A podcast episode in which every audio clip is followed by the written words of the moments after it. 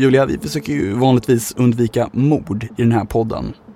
Ja, vi tycker att det är lite roligare med bedragare och inte ond bråd död. Mm, men den här gången så gör vi ett undantag, för den här berättelsen som vi ska höra nu, den innehåller faktiskt en hel del just ond bråd död. Mm, det här avsnittet handlar om en hel familj med bedragare. Där mamman, Sante Kimes, är själva huvudpersonen och hon har lik i garderoben, bokstavligt talat Axel. Ja, men hon är också en klassisk högt spelperson som utgett sig för att vara både Elizabeth Taylor och ambassadörsfru. Och så har hon bränt ner flera hus. Och som sagt haft ihjäl folk. Precis, så vad säger man? Känsliga lyssnare varnas. Today, the question is being asked who are Shantae and Kenneth Kimes, prime suspects in the disappearance of a wealthy Manhattan widow? Together, Sante and Kenny Kimes brought new meaning to the term family values. My son and I are innocent. There is a huge evil cover up going on. A mother and son, grifters, some call them, con artists, living on their wits and their charm.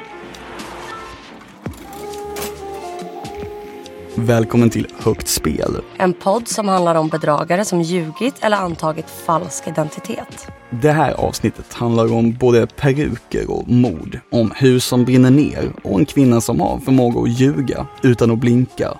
Det är dags för berättelsen om Santi Kimes och hennes familj. Jag heter Axel Winqvist. Och jag heter Julia Lyskova.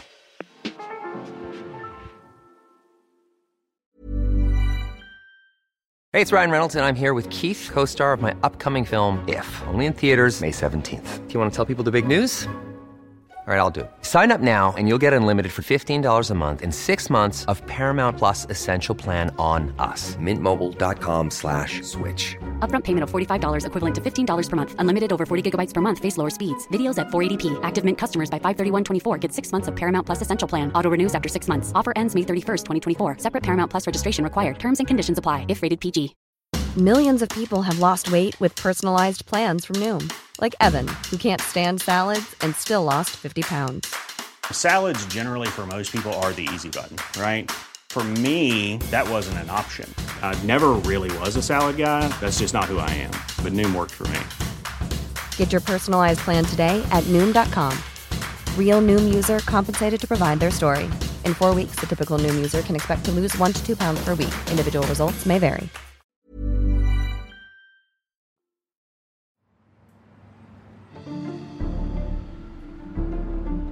Året är 1998 och vi är hemma hos den före detta ballerinan och societetskvinnan Irene Silverman. Irene är änka efter en förmögen fastighetsägare och hon bor i ett exklusivt townhouse på Upper East Side på Manhattan. I hennes hem finns blanka marmorgolv och massvis med dyr konst. Det är ett fantastiskt ställe och nu så är det så att 82-åriga Irene letar efter hyresgäster. Men det är inte billigt, eller hur Julia? Nej, hyran ligger på 6 000 dollar i månaden vilket är ungefär 60 000 kronor. Så att det är inte vem som helst som har råd att stanna och bo här hos Irene. Hennes tidigare hyresgäster är bland annat sångerskan Chaka Khan och skådespelaren Daniel Day-Lewis. Nu ringer en ung stilig man vid namn Manny Guerin på dörren. Han är välklädd, artig och charmerande och han kan betala den första månadshyran med kontanter.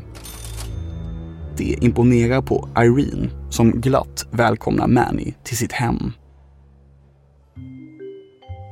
Men ganska snart börjar den trevliga Manny visa upp helt andra sidor. Han undviker sin hyresvärd när de stöter på varandra i trappen han vill inte att städarna ska komma in i hans lägenhet.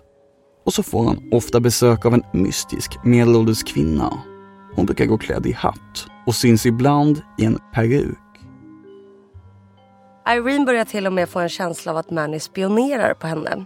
Hon är inte säker men hon blir allt mer misstänksam. Och vem är egentligen den mystiska kvinnan i peruk som tillbringar så mycket tid i hans lägenhet?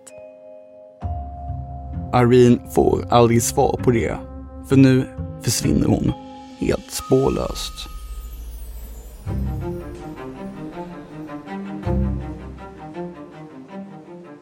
Hon har fallit offer för två bedragare. De kommer från samma familj och det är mor och son Sante och Kenny Kimes som döljer sig bakom Manny Queerin. Vad är det egentligen som har hänt med Irene? Vi ska backa bandet lite och ta det från början.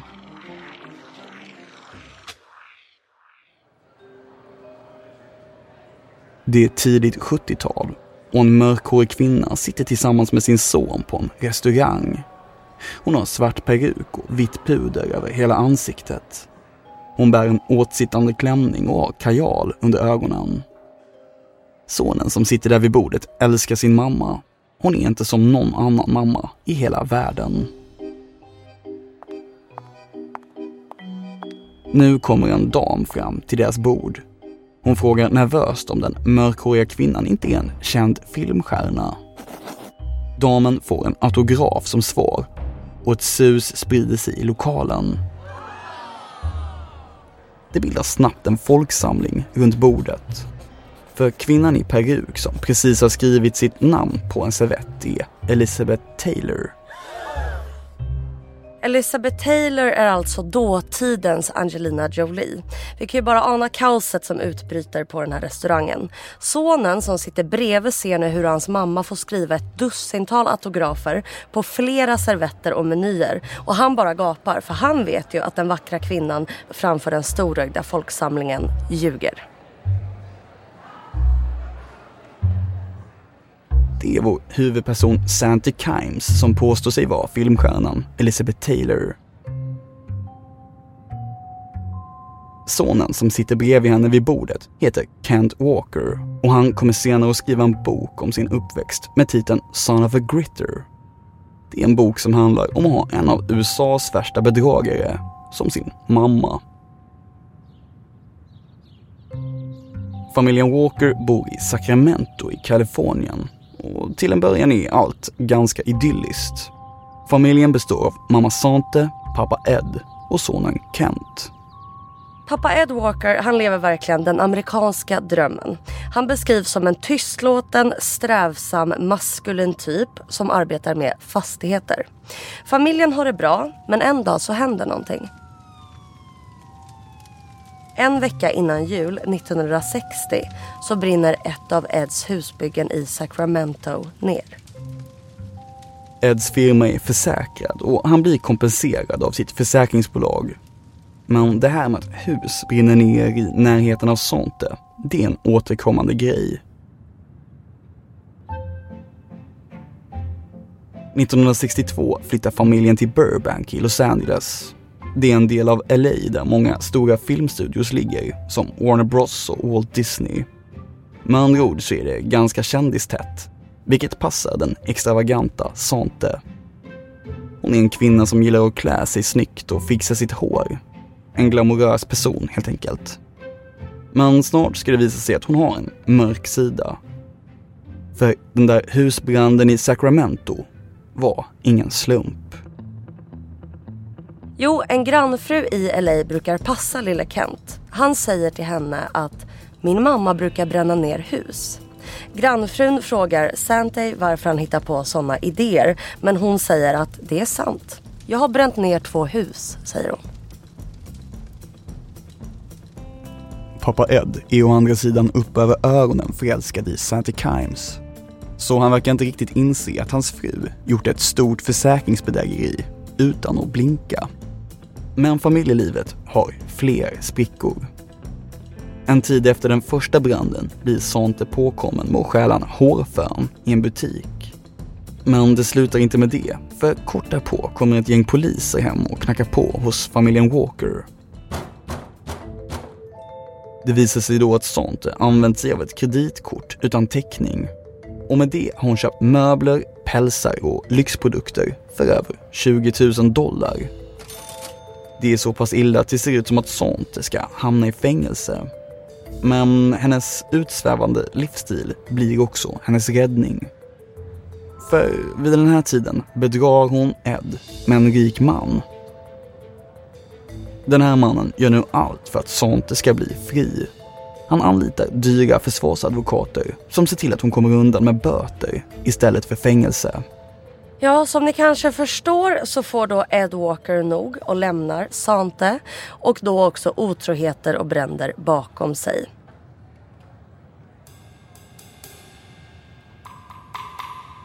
Efter skilsmässan tillbringar sonen Kent tid med både sin mamma och pappa. Men hos Sante är livet ganska udda. Sante har haft allt hon behöver men hon vill ha mer. Hon längtar efter ett annat liv och börjar kalla sig själv för Chanté så att hennes namn ska låta mer franskt. I sin bok Son of a Gritter beskriver Kent en typisk händelse tillsammans med sin mamma. De är då testkör en stor, lyxig bil i Los Angeles. Bilhandlaren åker med och Sante pratar om sina rika vänner om olika fester och kändisar hon brukar träffa. Hon målar upp ett liv som går hand i hand med den stora vräkiga bilen som hon sitter i. Tillbaka hos bilfirman säger hon till försäljaren att hon vill ha bilen. Så går du in och fixar papperna, säger hon. Så ska jag testa om jag kan parkera.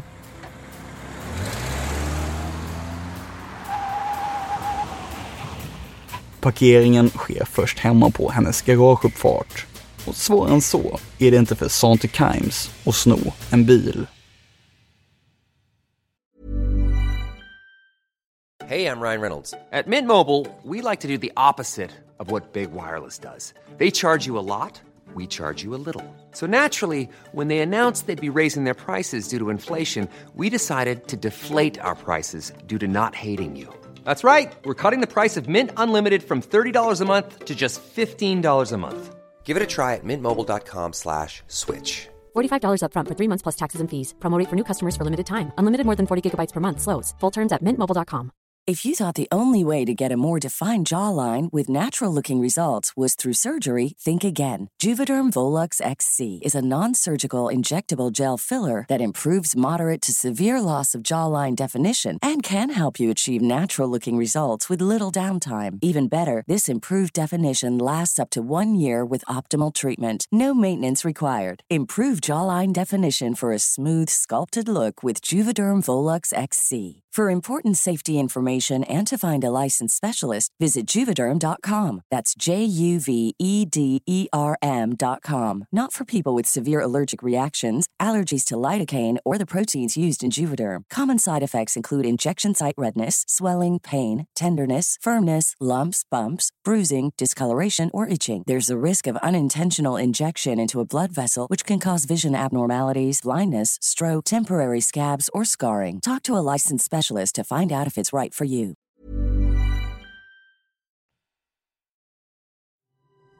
Mm, det är sällan Sante betalar för sig. Kent minns en semester i Mexiko när Sante tar en springnota från ett lyxhotell och de jagas sen av ägaren hela vägen till flygplatsen. Sante har ett annat trick när det kommer till hotell. Hon brukar nämligen gömma en bit fisk i en byrå på rummet och sen klaga på doften. På så vis så får hon nästan alltid rabatt eller blir kompenserad med gratisnätter. Men vem är då den här skoningslösa bedragerskan som inte skyr några som helst medel? För att ta reda på mer om vem hon är måste vi backa bandet till 1934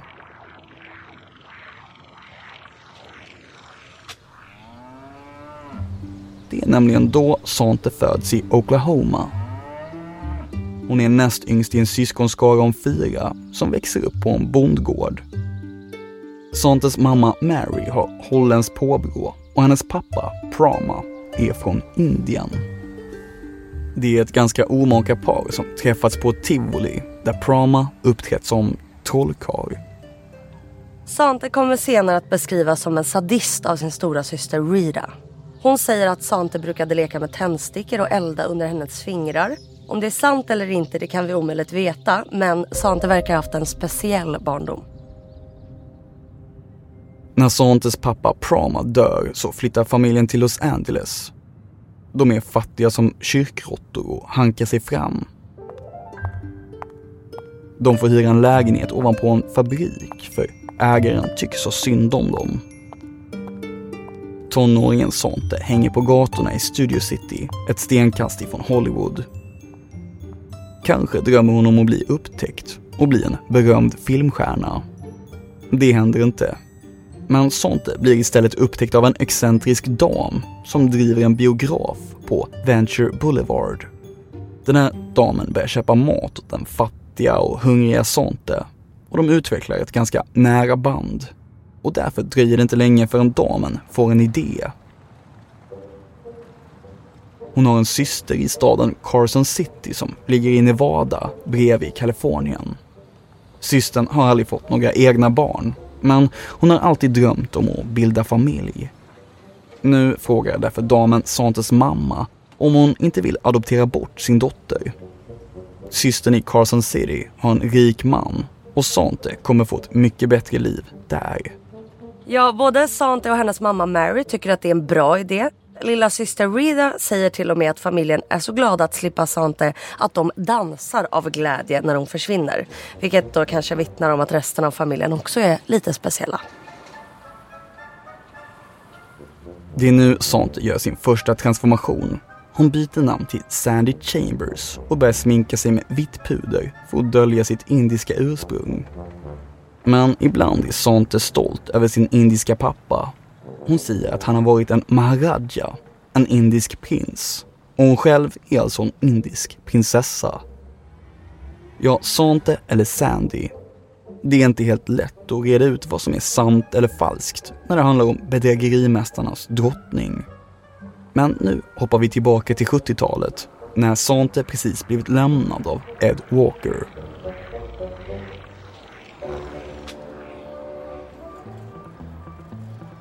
Sånt är alltså ensamstående mamma till lille Kent. Men det tänker hon inte förbli länge. Sånt brukar roa sig med att läsa tidningen Millionaire som handlar om de allra rikaste personerna i USA. Och här hittar hon en artikel om en man vid namn Kenneth Kimes. Han är en förmögen hotellägare som just nu håller på att bygga nytt i Palm Springs. Sante besöker det här bygget och ser till att de stöter in i varann. Kenneth Kimes, han är en väldigt amerikansk och oerhört konservativ och patriotisk man. Han påminner lite om Marlboro-mannen. Ja, alltså Kenneth Kimes är till en början inte särskilt intresserad av Sante. Men hon ger inte upp. För när Kenneth återvänder till sin hemstad i Newport Beach, då följer hon efter. Hon bor på motell tillsammans med sin son Kent och uppvaktar Kenneth vid bästa tillfälle. Och skam den som ger sig, för till slut så faller han för henne. Sante har alltså gängat sig med en miljonär och den nya familjen flyttar runt. De bor i Kalifornien och på Hawaii innan de till slut hamnar i Las Vegas. Det är en stad som passar Sante som handen i handsken. Här finns det folk som vill tjäna pengar, men framförallt människor som, precis som hon själv, vill fly den grå vardagen.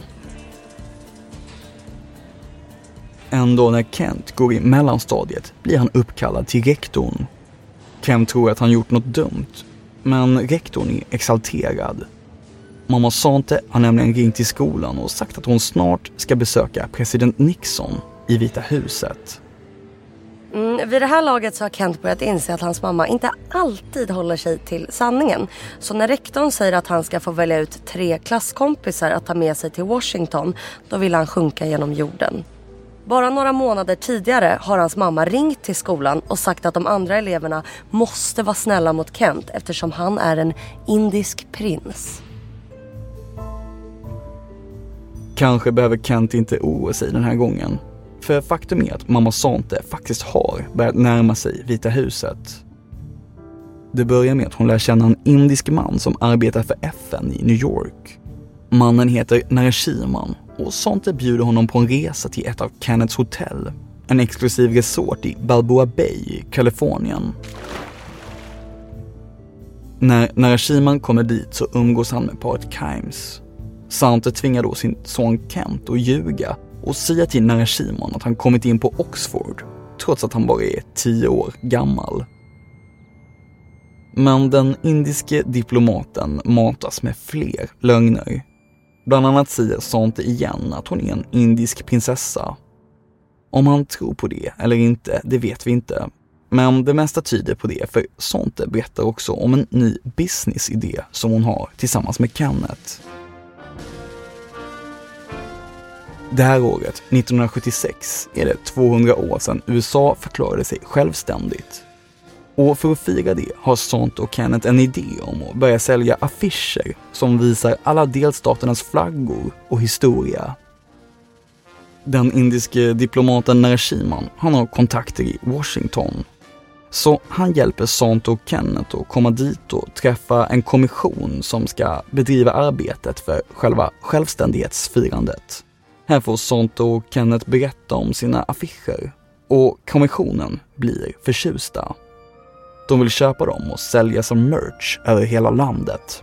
Det kommer bli en jättestor beställning och de börjar kalla Kenneth för en ambassadör för självständighetsfirandet.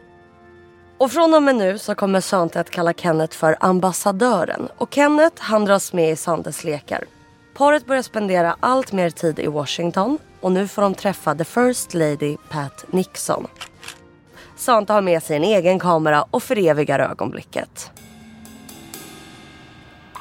Kort därpå reser makarna Kimes till Washington för att gå på fest. De är uppklädda till tänderna. Kenneth i kritstrecksrandig kostym och Sante i en stor päls. Hon har smycken på sig, bland annat en ring med en konstgjord diamant som är lika stor som en vindruva.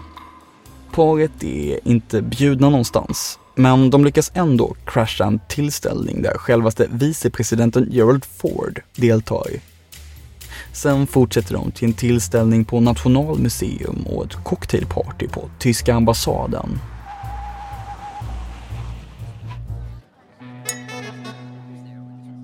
Här frågar den tyska ambassadörens fru om de verkligen har kommit rätt. Och Sante svarar något undflyende om att de tillhör den belgiska ambassaden.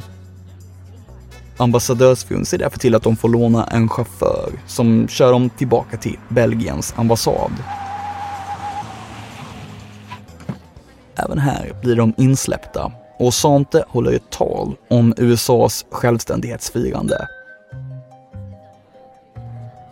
Men här tar det också stopp när den belgiska ambassadörsfrun inser att det verkar röra sig om en bluff från två ganska berusade och framförallt oinbjudna gäster. Några dagar senare så skriver Washington Post om händelsen. Sante och Kenneth blir förlöjligade och fråntas rätten att använda kommissionen för självständighetsfirandets logotyp på de här affischerna. Kent och hans klasskamrater får alltså aldrig träffa president Nixon. Men trots skammen att bli uthängd som bedragare så fortsätter Sante att ägna sig åt bedrägerier och kriminell verksamhet och hon verkar vara något av en naturbegåvning. Brotten är både stora och små. I boken Son of a Gritter beskriver sonen Kent hur hon en gång går in i en inredningsbutik och snor med sig flera rullar med tapeter. En annan gång stjäl hon en dyr päls av en kvinna på en restaurang i Vegas. Och gång på gång så brinner fastigheter som ägs av Kenneth och Sante fortsätter att casha in på försäkringspengarna men baksidan av det här är såklart att Sante ofta åker dit. När Sante blir tagen för stöld, då betalar Kenneth borgen eller så anlitar han dyra försvarsadvokater som ser till att hon kommer undan med böter. Kenneth verkar upp över öronen förälskad i Sante och vill att riskera sitt anseende och sin framgångsrika karriär för hennes skull.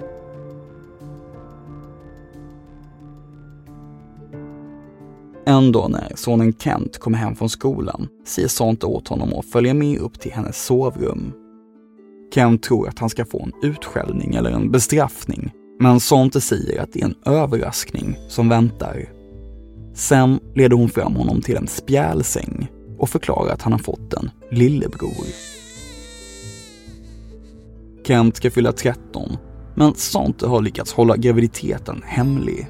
Och Kent är i chock Sante brukar pendla i vikt och hon har varit borta under några veckor för att göra ett antal plastikoperationer.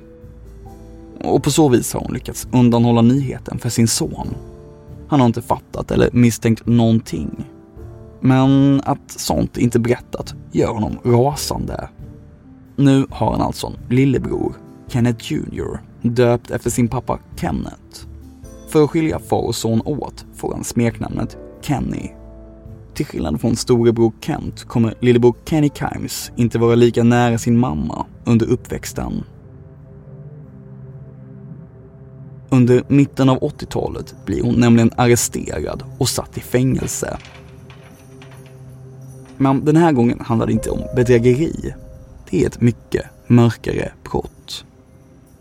Sonte har under flera års tid rest till Mexiko för att hitta hembiträden som hon sen tvingat arbeta i sitt hem under slavlika förhållanden. Många av kvinnorna som Sonte tagit med sig till USA vittnar att de har varit inlåsta och inte fått någon lön, förutom mat och husrum. Hembiträdena blir ofta misshandlade med tillhyggen som strykjärn och galgar. En vän till familjen berättar i dokumentärserien A&E Biography I said, Chante, it's so hard to get domestic help here. You know, tell me where you get them. She said, Oh, darling, when I get to know you better, I'll tell you where to get one. They're my little slaves and I love them. Men sen blir Sante påkommen med sin människohandel. Then, in the summer of 1985, one of the maids escaped and went to the FBI for help. Sante and Kenneth were arrested several weeks later and charged with involuntary servitude. Kenneth agreed to a plea bargain, admitting that he'd known about Sante's abuse of the maids but hadn't tried to stop it.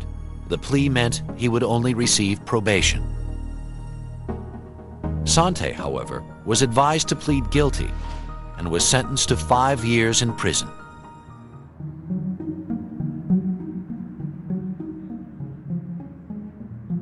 Lillebror Kenny Kimes ser alltså inte så mycket av sin mamma under några formativa år. Han tycker inte om att besöka Sante i fängelset och han vill inte heller prata med henne när hon ringer hem. Storebror Kent, som nu är vuxen, tycker att det är bra. Kanske kommer hans lillebror på så sätt att komma undan sin mammas dåliga inflytande.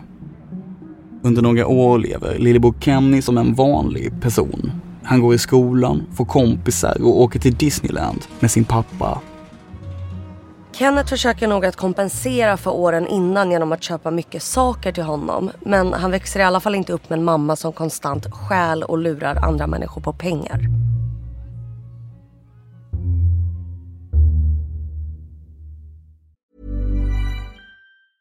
Even when we're on a budget we still deserve nice things.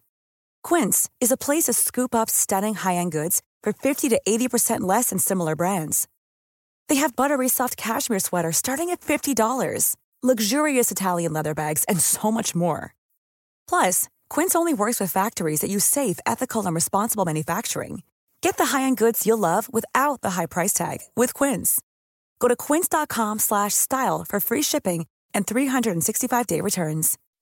When you make decisions for your company, you look for the no-brainers. If you have a lot of mailing to do, stamps.com is the ultimate no-brainer. Use the Stamps.com mobile app to mail everything you need to keep your business running with up to 89% off USPS and UPS. Make the same no brainer decision as over 1 million other businesses with Stamps.com. Use code PROGRAM for a special offer. That's Stamps.com code PROGRAM.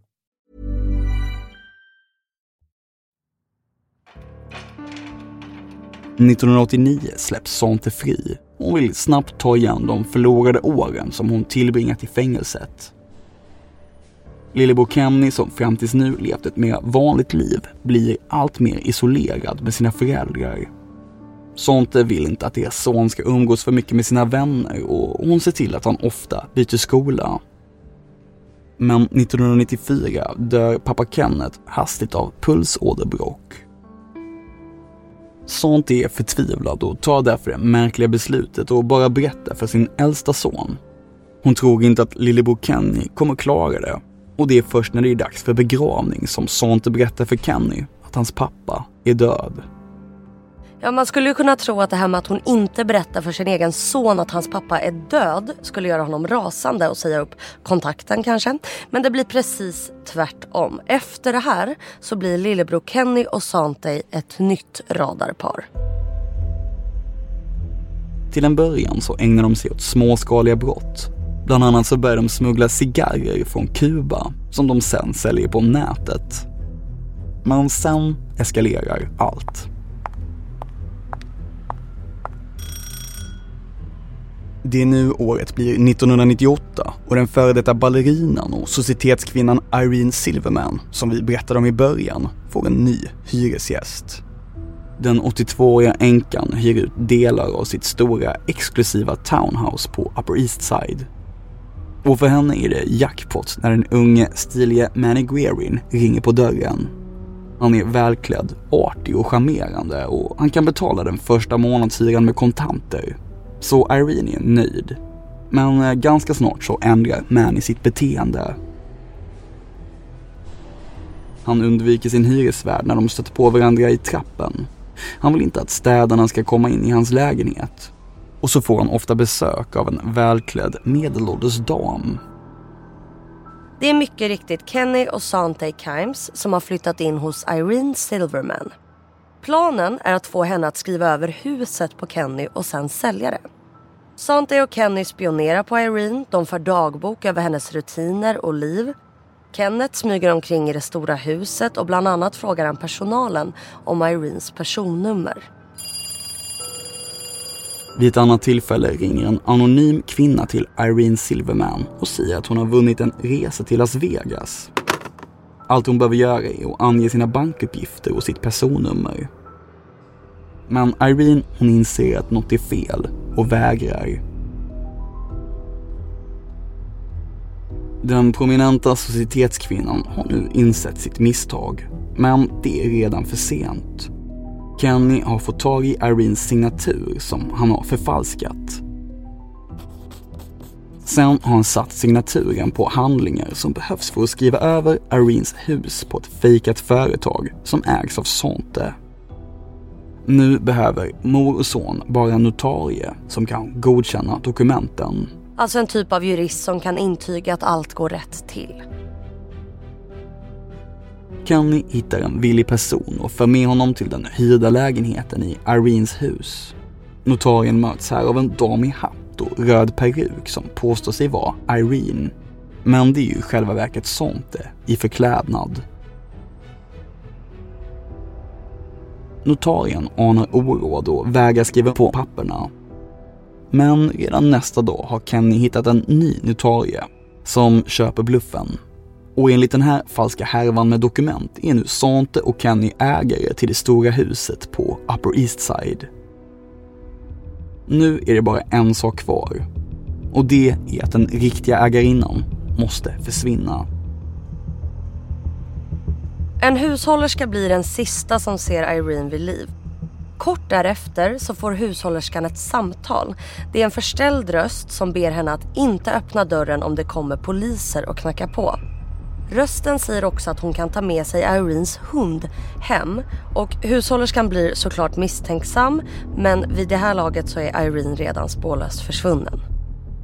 Irene Silvermans kropp kommer aldrig att hittas.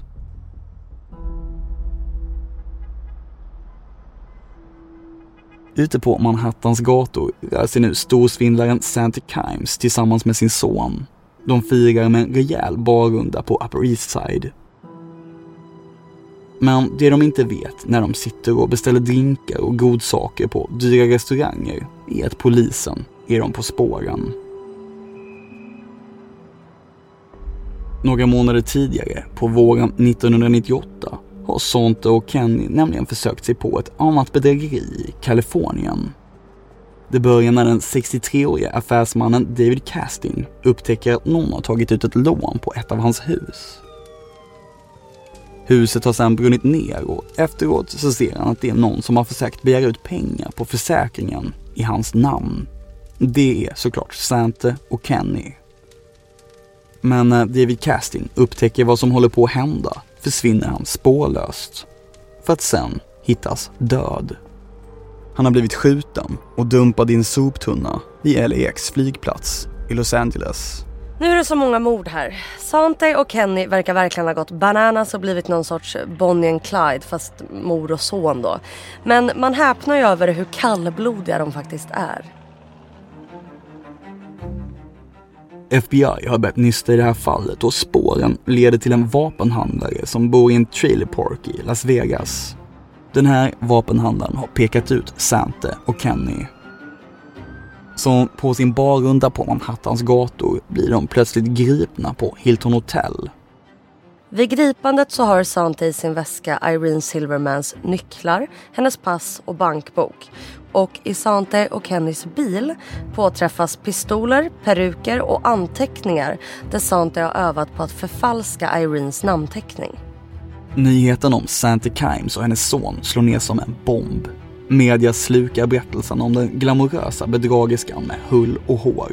Today, the question is being asked who are Shantae and Kenneth Kimes, prime suspects in the disappearance of a wealthy Manhattan widow? Together, Sante and Kenny Kimes brought new meaning to the term family values. Desperate for status and money, A mother and son, con artists, living on their wits and their charm. Sante och Kenny intervjuas till och med av Larry King. I intervjun har Sante stora glasögon och hon är klädd i en vit polo. Sante menar att de är utsatta för en komplott som hon jämför med häxprocesserna i Salem på 1700-talet. My son and I are innocent. There is a huge evil cover up going on. The police have made a terrible mistake. Rättegången blir en stor händelse, ungefär som när baseballstjärnan O.J. Simpson åtalades för mord. Sante förbjuds att tala med pressen men försöker skicka lappar till journalisterna i domstolen. Men bevismaterialet är tillräckligt för att döma både Sante och Kenny till flera olika straff på varandra. De döms därför till 120 och 124 års fängelse vardera. I en senare rättegång i fallet med mordet på affärsmannen David Castin erkänner Kenny allt. Och han säger att han gör det för att Sante ska slippa dödsstraff. Han erkänner då att de använt en elpistol mot Irene Silverman och att de sedan strypt henne och dumpat liket i en soptunna i New Jersey. David Castin ska Kenny ha skjutit i bakhuvudet och sen erkänner han dessutom ännu ett mord mot en bankman på Bahamas som Sante och Kenny försökt pressa på pengar. Den här bankmannen ska de ha dränkt i ett badkar. Men Sante fortsätter att neka till brott och det gör hon fram till sin död 2014 när hon avlider i fängelset Bedford Hills i New York. Och Kenny Kimes, han sitter fortfarande fängslad på en anstalt i Kalifornien. Och så slutar berättelsen om en familj med två generationers bedragare och mördare. Mycket av vår research i den här berättelsen är hämtad från Kenneth Kimes bok Son of a Gritter. Och Kenneth är en man som trots sin mor och bror verkar ha levt ett ganska normalt liv. Han skriver att han har arbetat som dammsugarförsäljare men att han aldrig har träffat en bättre lögnare än sin mamma.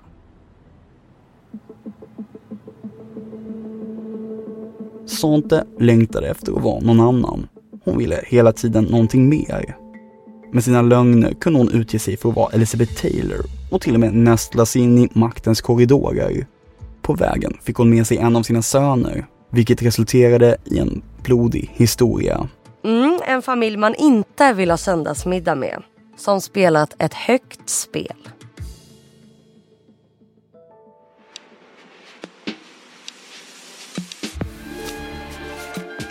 Högt spel är också namnet på vår podd. Med mig, Axel Winqvist. Och med mig Julia Lyskova. Vi är tillbaka nästa vecka med en ny bedragare. Så glöm inte att prenumerera på podden så att du inte missar nästa avsnitt.